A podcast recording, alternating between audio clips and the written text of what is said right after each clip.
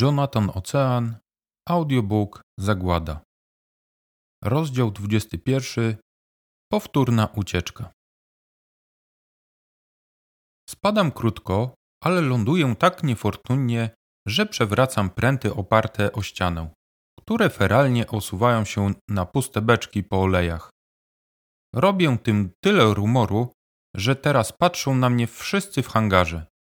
Szlak trafia plan skradania się i przejścia niezauważonym do części mieszkalnej. Muszę uciekać i to szybko, bo chwila zaskoczenia wywołana moim niespodziewanym ujawnieniem się właśnie minęła. Trzy gotowe do wyjazdu pojazdy, przypominające przerośnięte puszki po piwie, skręciły w moją stronę i ruszają niezgrabnie. Biegną ku mnie cztery kobiety uzbrojone w białe pałki strażników. Stać! Zatrzymaj się! Krzyczy pierwsza i wymachuje iskrzącym drągiem. Ani myślę jej usłuchać, a suche trzaski motywują mnie do natychmiastowego działania. Spoglądam w górę, ale olbrzyma już tam nie ma. Nie ma też sensu dalej ukrywać się i bez ociągania biegnę w kierunku przeciwległej ściany. Zakładam, że tam jest centrum kompleksu. Oglądam się i sprawa wygląda beznadziejnie. Jestem osaczony z każdej strony. Pojazdy zbliżają się szybko, wydają przy tym dźwięki sapania i skrzypienia. Nie strzelają do mnie, czyli chcą ogłuszyć prądem. To daje mi chwilę i zmieniam pierwotny plan. Skręcam w najbliższe przejście na tyle małe, że nie zmieszczą się tam te duże puszki, a strażnicy podążający za mną zwolnią i będą musieli biec gęsiego. Biegnę ciemnym korytarzem jak szalony, gdy niespodziewanie obrywam pięścią w twarz. Świat wiruje i tracę kontakt z rzeczywistością. Ocknąłem się, bo ktoś trzęsie mną jak szmacianą lalką. Nie jest to przyjemne i czuję tylko ból głowy oraz to, jak mi puchnie oko. Zrób tak jeszcze raz, to ci rozłupię czachę. Syczy mi prosto do ucha Hugo. A teraz bądź cicho i chodź. Niech cię szlak trafi, debilu. Ignoruję go i siedzę dalej. Mogłeś mnie zabić tym swoim łapskiem. Przez ciebie nic nie widzę na jedno oko. Mogło być gorzej. Ciesz się, że masz wszystkie zęby, zaśmiał się bezczelnie. Szarpie mnie za kark i niemalże wlecze za sobą. Strażników nie słyszę, pobiegli dalej korytarzem. Gdzie jesteśmy? Wyjdziemy inną drogą. Musimy przejść przez osiedle mieszkalne. Teraz zamknij się już i nie odzywaj. Ale ja muszę porozmawiać z Ines. Co? Oszalałeś? Nie będziesz z nią rozmawiał. Wybij to sobie z głowy. Mam cię wydobyć z więzienia i skierować w odpowiednim kierunku do domu. A wiesz przynajmniej, gdzie ona mieszka? Zatrzymał się i spojrzał na mnie. Wiem, Uśmiecha się złośliwie. Całkiem blisko. Na poziomie wyżej. Bezpośrednio nad nami. Masz pecha. Tak blisko, a jednak tak daleko. Naigrywa się. O ty, złośliwy, przerośnięty palancie. Postanawiam się na nim zemścić. Zataczam się, że niby kręci mi się w głowie, olbrzym przyciąga mnie do siebie i wtedy niepostrzeżenie wyjmuję paralizator z jego niezliczonych kieszeni. Przytykam broń do jego tyłka, aż zaiskrzyło. Nie wywraca się za pierwszym razem. Spogląda zdziwiony i lekko ogłuszony. Przykładam mu paralizator do odsłoniętej szyi. Włączam prąd, a odpuściłem dopiero gdy padł. Wstrząsa go jeszcze kilka razy i nieruchomieje. Jestem na niego tak wściekły, że wcale nie martwię się, że mu serducho wysiądzie. Łapię go za nogę i próbuję zataszczyć gdzieś za róg, żeby go szybko nie znaleźli, co dałoby mi trochę czasu. Wcale nie daje się go ruszyć. Takie ciężkie bydle. Cholera z nim. Biegnę na górę na spotkanie z Ines. Znalazłem schody i wszedłem piętro wyżej. No i znów mój plan, delikatnie mówiąc, był do dupy. Nad miejscem, gdzie zostawiłem olbrzyma, były cztery mieszkania. Drzwi niczym nie różniły się od siebie. Jasne i przestronne korytarze, po których na szczęście nikt teraz nie chodził, nie pomagały mi w odszukaniu Ines. Z racji tego, że nie wpadłem na nic mądrzejszego, to zastukałem w pierwsze drzwi. Gdy nikt nie odpowiedział, szarpnąłem za klamkę, lecz ta nie ustąpiła. Załomotałem w drugie i próbowałem otworzyć. Jednak z tym samym skutkiem zamknięte. Podszedłem do trzecich, kiedy usłyszałem otwieranie zamka i wychyliła się Ines. Tak, to była ona. Osłupiała, jak mnie zobaczyła. Ines, musiałem się z tobą zobaczyć, porozmawiać. Co ci się stało? Jesteś cały we krwi. Wchodź szybko. Pociągnęła mnie do mieszkania i wyjrzała na korytarz sprawdzić, czy nikt nie szedł za mną. Faktycznie mogłem wyglądać nieciekawie. Najpierw zleciałem parę metrów ze schodów, a potem ten przerośnięty drągal pięścią trzasnął mnie w twarz i zapewne mam wielką śliwę, bo na jedno oko nie widzę. Co się stało? Dlaczego nie uciekłeś? Zadawała jedno pytanie za drugim. Nigdzie nie ruszę się stąd bez ciebie. Nie tym razem. Nie możesz tu zostać. Zginiesz. Nie masz pojęcia, co tu się dzieje. Wracaj do swojej kolonii. Wszyscy mu musicie przenieść się w inne miejsce. Rada genetyczna nie spocznie, dopóki nie zdobędzie wszystkich waszych mężczyzn lub nie zniszczy waszego osiedla. Ratuj siebie i swoich bliskich. Na pewno masz żonę, dzieci lub wnuki. Ratuj ich. Nie odejdę bez ciebie. Nie chcę drugi raz cię stracić. Chodź ze mną, poprosiłem. Nie mogę. Ja mam rodzinę. Moja ucieczka to skazanie ich na śmierć. Takie są teraz tutaj porządki. Głos jej drżał. Gdzie jest Hugo? Miał was zaprowadzić do wyjścia. Zaniepokojona zapytała. Tego drągala ogłuszyłem i zostawiłem na dole. Machnąłem lekceważąco ręką. Zdenerwowała się wyraźnie. Nikt go nie może zobaczyć w osiedlu. Wypchnęła mnie za drzwi. On powinien być na wyprawie, ale w nocy potajemnie wrócił, żeby was oswobodzić. Gdzie on jest? Szybko!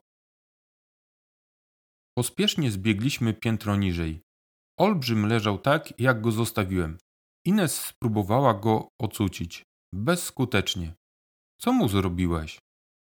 Popieściłem go prądem, ale on mnie walnął pierwszy.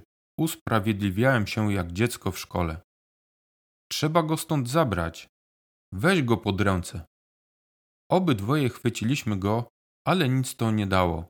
Był za ciężki, nawet nie drgnął. Coś musimy wymyślić innego.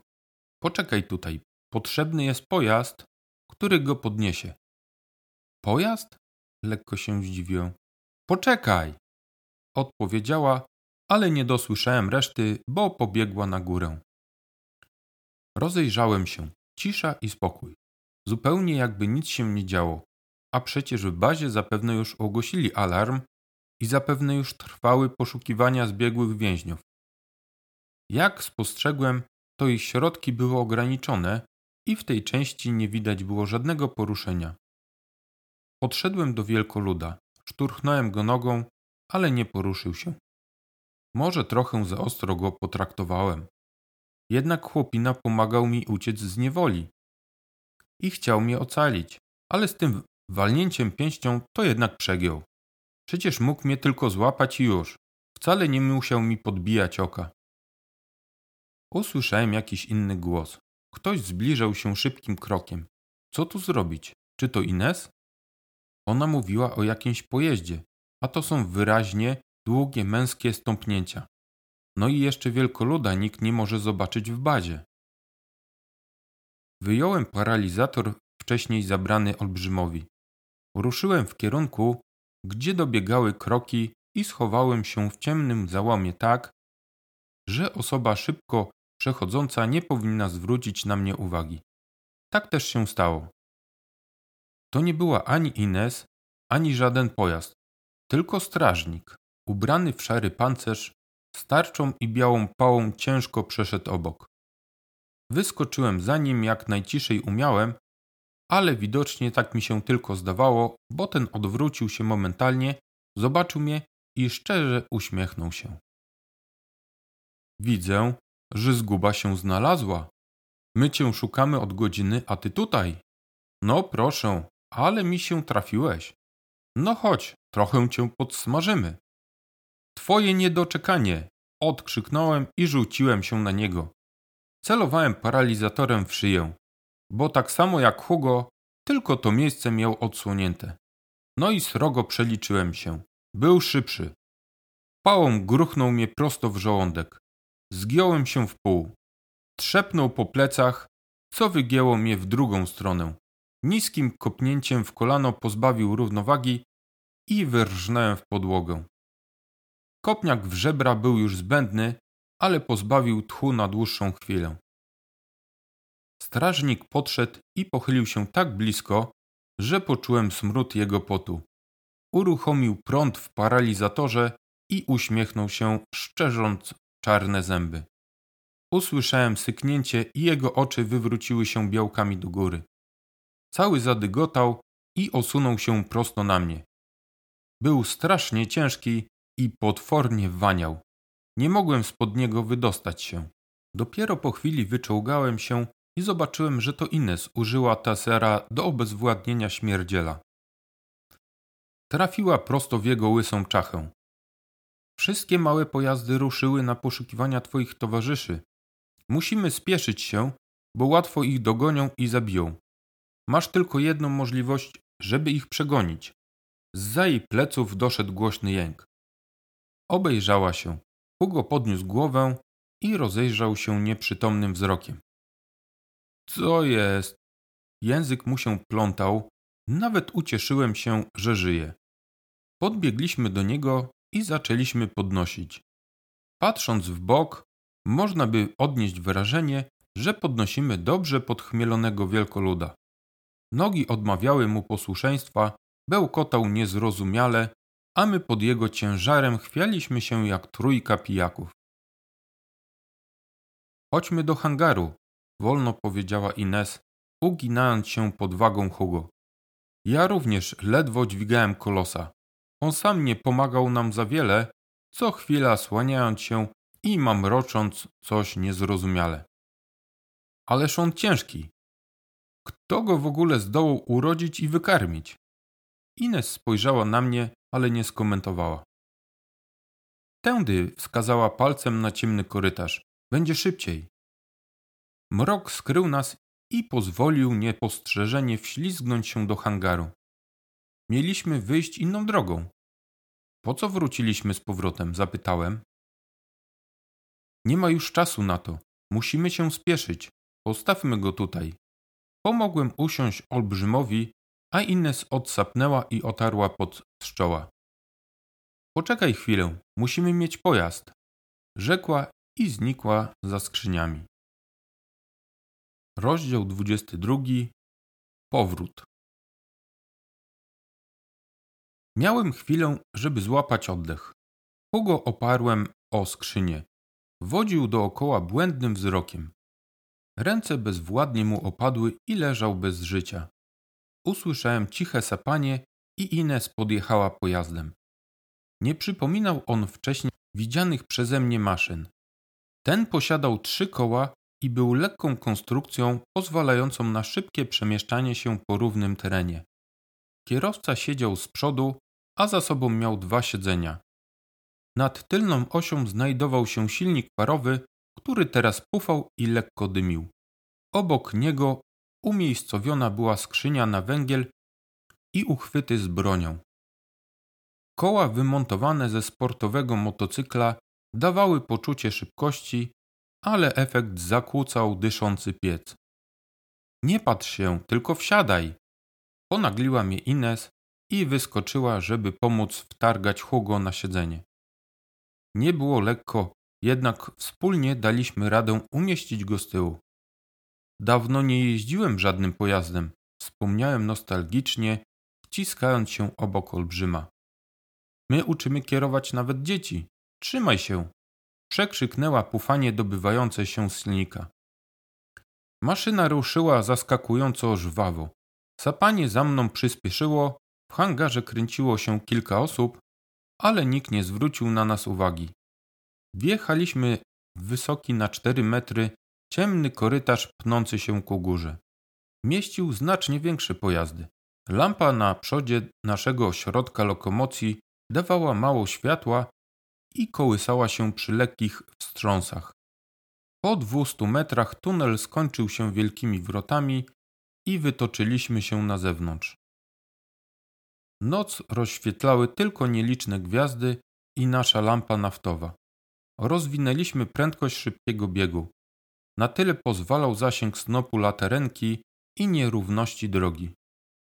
Wehikuł podskakiwał, Hugo kołysał się, a silnik pufał cichutko. Tak jechaliśmy znaną mi trasą, którą zmierzaliśmy do kolonii Krotokwilus. Żyjesz? Zagadałem do olbrzyma, którego wzrok nie przypominał już spojrzenia ćpuna. Żyję. Co się stało? Ucieszyłem się, że nie kojarzy, co mu zrobiłem. Gotów jeszcze wyrzucić mnie z tej maszyny w trakcie jazdy. Przynajmniej nie będzie wściekły na mnie. Jedziemy odwieźć cię. Dla mojego bezpieczeństwa zmieniłem temat rozmowy. Ines, jak to się stało, że prowadzisz trajkę? Nie dając zbyć się, zapytał Hugo. Pojazd podskoczył i walnąłem głową w ramię olbrzyma, który ledwo mieścił się na swoim miejscu. Ale trzęsie, ile będziemy jechać? Podjąłem drugą próbę zmiany tematu. Ponad godzinę. Później kawałek przejdziemy się do celu, odpowiedział Hugo. Po nocy chcesz chodzić? Boisz się? Nie. Starałem się odpowiedzieć twardo, żeby nie wyjść przed nim na mięczaka, jednak w głębi serca odczuwałem lęk. Bałem się o siebie, a przede wszystkim o Ines, która niepotrzebnie narażała się, uczestnicząc w tej wyprawie. W dzień podróżowanie bez silnej obstawy wiązało się z licznymi niebezpieczeństwami, lecz w nocy budzili się prawdziwie krwiopijcy. Po mieście włóczyły się watachy dzikich psów, polowały w stadach i stanowiły śmiertelne ryzyko nawet dla uzbrojonych grup. Zmutowane dzikie koty lub potężne krwiożercze nietoperze to powszechne zagrożenie. Na razie nie widać żadnych stworzeń, zagadałem. Niedawno tędy jechały nasze pojazdy i wypłoszyły zwierzynę, odpowiedział Hugo. Pan Mondrala, jak zauważyłem, na wszystko miał gotową odpowiedź. Ale za chwilę drapieżniki wrócą i wtedy nie będzie tak spokojnie.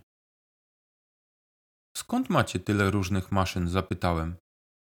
Fabryce podczas katastrofy pracowało wielu mechaników. Po tym jak zabrakło prądu, wielu z nich wykorzystało dostępne części. Potem wiedzę przekazali kolejnym. To, co widziałeś, to tylko kilka pojazdów starego typu, których mamy najwięcej. Ja teraz pracuję nad komputerem zasilanym parą. Potrafi wykonywać proste operacje logiczne. Ty pracujesz nad komputerem? Już wiedziałem, dlaczego ten przemądrzalec tak wywyższał się. Traktował naszą osadę jak zacofane plemię, które nie używało nawet silników parowych i nie wiedziało nic o prądzie czy maszynach. Tak, na razie to proste operacje, ale można nimi ułatwić sterowanie pojazdami. Na przykład wojażerem może sterować jedna osoba. Ja też byłem programistą. Chciałem mu zaimponować, żeby tak nie stroszył piórek. Słyszałem, jak to zmieniła się ludzkość dzięki tobie. Uśmiechnął się szyderczo. Strasznie mnie zdenerwował. Gówniarz jeden, zadufany bystrzak. Jeszcze przyjdzie czas, kiedy mu ten kpiący uśmiech zetrę z twarzy. Na razie nie będę z nim rozmawiał. Ines, to co teraz będzie? Silnik z tyłu nie był głośny, ale musiałem głośniej mówić, żeby usłyszała. Hugo utkwił spojrzenie we mnie. W jego oczach wyczytałem jawną groźbę. Ines nie odpowiedziała, a ja nie chciałem kontynuować tematu przy tym wielkim mądrali. Zbliżaliśmy się do celu podróży i Ines zwolniła. Należało mieć się na baczności. Hugo musiał niepostrzeżenie dołączyć do oddziału czekającego na możliwość ataku na osiedle. Trzeba było mieć na uwadze, że pościg za grupą pały mógł znajdować się w okolicy i źle byłoby natknąć się na nich. Nie spodziewałem się ścigających na głównej drodze. Pała, biorąc pod uwagę brak broni, będzie starał się unikać konfrontacji ze zwierzętami. Zejdzie do kanałów i większość trasy uda mu się przedostać pod ziemią. Ma to kolejny plus, że Nostranie nie znajdą wejścia do podziemi, a nawet jeśli tak, to ich maszyny nie zmieszczą się tam. Rozdział 23. Atak kota. Spowolnienie jazdy przyniosło dodatkowy pozytyw i uratowało nasze życie.